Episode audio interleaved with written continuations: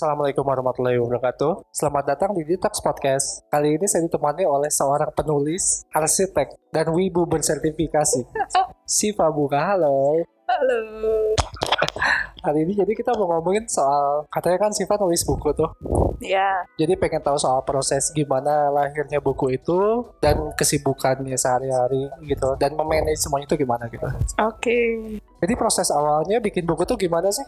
Kalau ditanya proses awalnya sih pasti butuh kayak kerangka awalnya dulu kayak gitu. Iya. Kayak ide ceritanya kayak gimana dulu. Terus saya bikin kerangkanya dan bla bla bla bla bla. Betul? Terus kayak setelah kalau biasanya sih kalau nulis itu tuh biasanya suka ada mentornya gitu. Jadi kayak Iya, iya. kita ngasih kerangkanya ke mentornya atau siapa pun gitu. Terus dicek cek cek, oh ini udah oke nih lanjut. Terus aku dari kerangka dikembangin lagi sampai akhirnya jadi novel. Dan itu terus dicek Hmm. terus kayak gitu. Gitu sih kalau prosesnya ya. Oh untuk prosesnya. Terus kalau kayak awalnya, kenapa sih nulis buku gitu? Ini tuh sebenarnya hobi aku dari SMA. Jadi kalau Oke. dari SMA tuh aku suka banget nulis cerita. Ah, sebenarnya ini karena keseringan baca novel, komik dan ah, nonton dan cerita-cerita lainnya kayak jadi punya apa ya pengen bikin cerita sendiri gitu. Oke. Akhirnya dari SMA tuh suka nulis, suka bukan suka nulis ya, suka bikin cerita lah ya. bikin cerita, nulis sendiri di laptop sampai akhirnya di kuliah melihat, wah aku ini udah punya cerita tuh udah 300 halaman gitu. Iya ya. Itu kayak cerita aku sendiri Wow. tapi di keep sendiri doang gitu loh Oh. akhirnya menantang Iya, diri iya. coba kenapa nggak dipublish aja gitu Oke. Terus maksudnya kayak pernah pakai platform-platform digital kayak Wattpad kayak gitu-gitu nggak sih? pernah coba sih untuk buku yang ini ya. Sebenarnya pernah coba bu- untuk buku yang ini dengan sebenarnya tuh tujuannya pengen dapat feedback juga dari orang lain Iya, tentang buku ini enaknya kayak gimana. Jadi sebenarnya pernah wetpad, pernah pakai wetpadnya tuh cuma buat buku ini doang sebelum sebelumnya belum pernah gitu. Eh, kalau untuk Wattpad sendiri gitu, dia kayak ngerilis satu chapter doang, terus pengen ngeliat feedback dari pembacanya gitu apa gimana sih? sebenarnya suka ada di komen-komennya gitu sih ada komen-komen persinnya kayak gitu. Dan aku cuma kasih link wetpadnya terus kasih kasih ini dong kasih feedback dong enaknya gimana ceritanya kayak aduh aku malu ceritain muka aku sendiri. Apaan sih? Gak apa-apa kali, ini harus bangga impulsif kan? banget ini buku ini. Kenapa? impulsif banget emang aku nerbitin buku. Oh ya, iya kayak ya udahlah cobain aja lah gitu. Biasanya takut takut nothing tulus lah ya. iya nothing tulus cobain aja lah Dan maksudnya selain Wattpad nih, ada platform lain gak sih yang apa ya berjasa banyak atas keluarnya buku ini gitu selain sosmed ya? apa ya online gitu ya Hmm. pernah sih aku biasanya nyimpen sendiri aja sih Oh gitu. Jadi selama ini nyimpan Selalu. semua cerita ini sendiri gitu. Heeh, nulis ini sendiri di di laptop pribadi di OneNote pribadi punya blog sih tapi blog biasanya nggak dipakai buat nulis cerita yang begini blog itu cuman cuman diary diary sehari-hari doang. Kalau cerita ini biasanya di laptop karena kayak aku merasa malu sama ceritaku sendiri Gak harus sih, jangan malu dong. Tapi ya, ya makanya ini challenge banget gitu. Menerbitkan suatu cerita yang aku keep sendiri dan merasa kayak aku malu banget nih nge sama Hmm. cerita yang aku bikin. Kayaknya ini jelek deh gitu. Karena cuman buat konsumsi pribadi doang. Makanya challenge deh. Berani gak ya gua eh, nerbitin buku ini gitu? Supaya jadi. Dan ternyata emang jadi gitu. Dan ternyata banyak orang eh, banyak orang yang bilang bagus kok Sif gitu jadi merasa oh alhamdulillah ternyata ceritaku bagus juga ya gitu jadi selama ini eh, feedback yang masuk itu positif lah ya. Iya Terus em, untuk nge-manage nih waktu menulis cerita dengan deadline yang banyak di kantor gitu. Itu gimana sih? Kan agak repot juga ya. Ya betul, agak repot juga.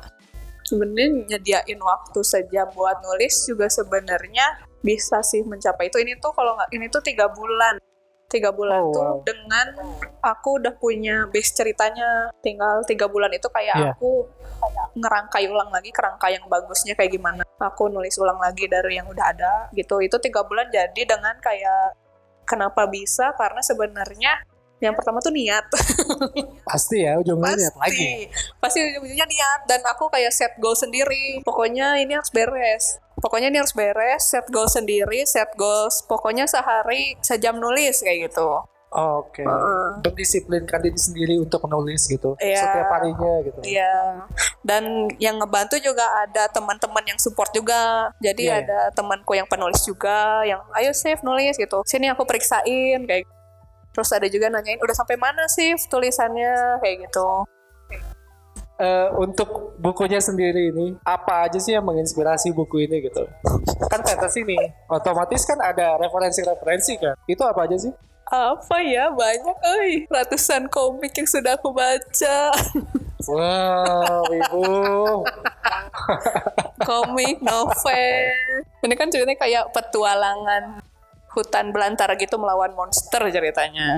Iya iya. Mm-mm, jadi kayak kalau overview ceritanya tuh kayak ada tiga orang yang berbeda banget dicemplungin ke kondisi yang gimana ya hutan terlarang yang banyak monsternya dan Survival lah ya. survival dan gimana ketiga orang ini yang berbeda tuh bisa kerjasama untuk mengalahkan monster dan kembali hidup kayak gitu sih. Aduh so ibu Itu ini sekali ya. Ke bawah-bawah gitu. bau eh bau bawang. Aduh. kayak setiap orang yang baca ini kok kayak Attack on Titan, kayak Hunter x Hunter. Kebayang banget referensinya apa. Tapi maksudnya untuk bisa nulis yang genrenya fantasi nih, itu kan maksudnya banyak banget yang harus disiapin gitu. Maksudnya kayak mereka itu latar belakangnya kayak bagaimana karakternya. Dan itu pakai pakai tempat atau sejarah yang real atau fiktif sih? Fiktif banget sih ini. Cuman untuk latar belakang tuh banyaknya aku ngambil di novel-novel yang memang backgroundnya hutan dan survival juga. Aku Hmm. ngambil dari situ sih sebenarnya banyaknya. Kayak misalnya ada judul novel namanya Wolf Brother. Itu juga Iya. sama kayak tentang hutan-hutan. Nah, aku ngambil banyak latar dari situ. Kalau sejarah-sejarah sih kayak aku bikin sendiri. Iya. Dan aku kayak mencoba bikin sesimpel mungkin biar aku nggak terlalu banyak mikirin latar belakangnya yang bla bla bla gitu. Makanya di hutan ya udah yang Iya. hutan kan eh, simple aja gitu loh. Sehari-hari juga ada hutan gitu. Iya. Nggak usah mikirin kehidupan sehari-hari penyihir dan bla bla blanya gitu. Geek sekali gitu. Mbak ini ya. Betul lah keren banget ya itu. Kalau gitu kan maksudnya sebagai seorang yang terlibat dengan karya-karya kreatif, entah itu gambar arsitektur, entah itu buku, untuk pencarian kreatif proses. gitu. Itu tuh gimana sih? Kayak buat dapat ide harus ngapain gitu. Banyak-banyak baca. Oke. Baca selain komik. baca, Oke. inspirasinya dari mana aja sih? Enggak, ini bukan buat buku aja ya, tapi buat arsitekturnya Siva juga. Oh, sebenarnya banyak-banyak baca. Terus novel ini juga eh, banyak aku idenya tuh dari jalan-jalan juga. Kayak aku tuh Iya. sampai ke ke Tahura buat kayak suasana Oh. hutan tuh gimana sih gitu. Gemerisiknya kayak gimana sih? Mungkin itu sama kayak kreatif proses yang lain. Arsitektur juga gitu kan. Iya, butuh jalan-jalan, butuh ngerasain sendiri gimana sih realnya kayak gitu. Iya, iya. Banyak sih yang dari situ juga. Pernah kepikiran gak sih maksudnya untuk bikin satu buku nanti ke depannya mungkin ya tentang seorang arsitek yang yang apa ya genrenya fantasi juga gitu. Ah, itu Jadi ada ada ada fantasi tapi ada ilmu arsitekturnya dari situ gitu. Ya kalau misalnya Christopher Nolan pernah bikin satu film apa science fiction apa Inception itu fantasi tapi ada ada ada warna arsitekturnya di situ kan. Eh, kalau Sifat sempat kepikiran nggak sih pengen bikin sesuatu yang kayak gitu gitu? Eh, sebenarnya aku nggak pernah menyambungkan arsitektur dan fiksi eh fantasi ya. Cuman dulu tuh sempat pernah ada ide. Dulu tuh aku sempat ikut juga klub morfosis di kampus. Iya, iya. Di itu tuh klub nulis gitu di kampus. Ah, Sempat di challenge untuk bikin cerita bersambung. Iya. Nah di situ juga aku mikir wah apa nih keren nih kalau arsitektur dan fantasi disatuin kayak gimana. Iya. Di situ sempat sih keluar ide-ide liar bagaimana menyatukan arsitektur dan fantasi. Iya. Itu proses brainstormingnya lumayan lama dong ya. Iya. Menghayal aja sih aku. Menghayal aja ya. Iya. Menghayal banyak ba- karena banyak baca juga kayak banyak baca, banyak nonton. Terus kayak tadi kan katanya banyak set yang ada di buku ini Iya, kayak di hutan gitu kan. betul. Terus itu ke hutan mana aja tuh? Buat Cuman- mengalami experience hutan yang sebenarnya gitu. Cuman tahura doang. Iya. ini kayak jujur aja ini riset ini tuh ini tuh nggak riset kataku riset ini tuh kurang banget kayaknya. Ini Oh, cuman kayak menantang diri sendiri aja ya udahlah kerjain aja langsung aja terbitin aja gitu. Nyobain terbitin jadi nggak terlalu banyak riset. Yang penting terbitin dulu. Sebenarnya kalau misalnya yang saya tangkap dari tadi ya, buku ini tuh kayak pesan buat diri sendiri gak sih? Ini untuk mendobrak ketidaknyamanan gitu loh. iya betul Dan setelah buku ini terbit, tantangan buat Siva setelah ini apa sih? tantanganku adalah kayak masih sama sih takut dijudge kalau ceritanya jelek Iya. Jadi kayak awal-awal tuh aku nggak terlalu mempromosikan buku ini. kayak orang-orang tuh nggak tahu buku ini udah terbit karena aku malu kalau dibaca. Gak apa-apa padahal. ya itu sih tantangan terbesar adalah apa ya takut malu dan takutnya. Ya berarti untuk ke depannya bakal ada buku yang kayak gimana sih yang dibikin sama Siva? Oh sebenarnya aku cerita fantasi banyak banget nabung di laptop. Iya. Mungkin itu yang pertama, yang kedua kebayang juga pengen nerbitin buku tentang Islami gitu. Oh iya. Ya, kayak gitu. Itu sih mungkin nextnya. Islami tapi agak fantasi gitu apa gimana? Enggak juga sih. Atau lebih kayak kayak slice of life gitu mungkin? Slice of life. Itu genre anime sekali ya. Iya Ketawa juga betul. saya jadi ibu kan. Betul. Aku kayak daripada non fiksi, aku lebih fiksi aja kayak Islam Ah. fiksi kayak gitu. Tapi tetap yang dekat dengan kehidupan sehari-hari gitu. Iya. Eh, selain media buku nih, berniat untuk kayak bukunya itu dibikin jadi kayak audiobook gitu nggak sih? Wow. So far away. Masa far away sih? Tidak mungkin loh zaman sekarang ya. Nggak kebayang audiobook sih, kayaknya mungkin ilustrasi book. Ah ya bisa. juga. Atau kayak visual novel gitu nggak sih? Ya visual novel aku keba- sempat pengen kayak bikin ya buku ilustrasi gitu, buku yang ada ilustrasi-ilustrasinya gitu sih. Kebayang juga kayak gitu. Eh, saya jujur aja ya, belum baca bukunya. Maaf. Iya. Tapi kira-kira ada peluang nggak sih buat sequel buku itu? Buku pertamanya maksudnya. Ada banget. Sebenarnya aku udah Udah nyiapin? merencanakan ada Oh. sequelnya sebenarnya.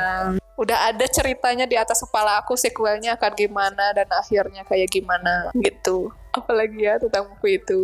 Kalau untuk genre sendiri gitu, selain fantasi, apalagi fantasi, slice of life, terus nggak ada niat buat bikin buku yang sci-fi gitu? Kayaknya enggak. Aku menghindari buku-buku yang risetnya terlalu banyak. Padahal fantasi kan risetnya banyak ya. Mungkin buku cerita tentang mas-mas ojek online yang ternyata dia transformer. Liar banget. Iya aku tuh, kan? aku dulu pernah yang cerita fantasi dengan arsitektur. Itu tuh kayak seliar kayak setiap jadi tuh di di Bandung tuh ada eh, sudut-sudut kota yang ternyata nyambung ke dimensi lain gitu. itu Oh, kayak Stranger Things gitu. Kayak Stranger Things gitu. Stranger Things tuh yang mana sih? Ya Allah. Iya iya mirip-mirip gitulah. Iya, ya maksudnya jadi ada sudut kota yang nyambung ke dimensi lain gitu. Iya betul. Atau mungkin bisa jadi kayak buku yang temanya ala-ala gotik atau avant-garde. Kayaknya enggak. Hah? Atau era- era-era retro minimalis tahun 70-an. Apa tuh gimana tuh? Eh, Iya, maksudnya settingnya tahun 1970-an. oh Mas-mas funky yang pakai kemeja kembang-kembang, enggak. terus rambutnya selalu kelimis di Ah, eh. Enggak sih. ah, ini terlalu liar ini idenya. yang enggak apa-apa dong. Oh iya, bagus bagus. Aku mah tipenya kayak orang berantem berantem, pakai pedang. Oh. Oh, gitulah pokoknya berantem lawan monster. Gitulah. Enggak maksudnya untuk kayak untuk ceritanya ini kan ada tem ada setting tempat, setting waktu, orang-orang dan Iya. orang-orangnya juga punya latar belakang. Anggaplah punya suku tertentu, Iya. punya bahasa tertentu, Iya. punya senjata senjata tertentu. gitu. Iya, betul. Itu prosesnya tiga bulan tadi. Enggak, itu prosesnya lama banget. Dari SMA itu kayak aku kayak apa ya? Serasa udah punya cerita sendiri, dunia sendiri. Ya. suku-sukunya kayak gimana tuh udah dari SMA tuh udah aku pikirin sebenarnya. Jadi kayak di dunia aku sendiri tuh aku udah bikin kayak scene-scene-nya, cerita-cerita apa. Nah si tiga bulan ini tuh kayak ngambil dari salah satu scene yang kira-kira eh, pas buat dijadiin buku dal buku 300 halaman dan bisa dimengerti dan risetnya nggak terlalu banyak-banyak banget Ya. kayak gitu. Jadi sebenarnya ini satu dari keseluruhan cerita yang panjang banget sebenarnya ini tuh.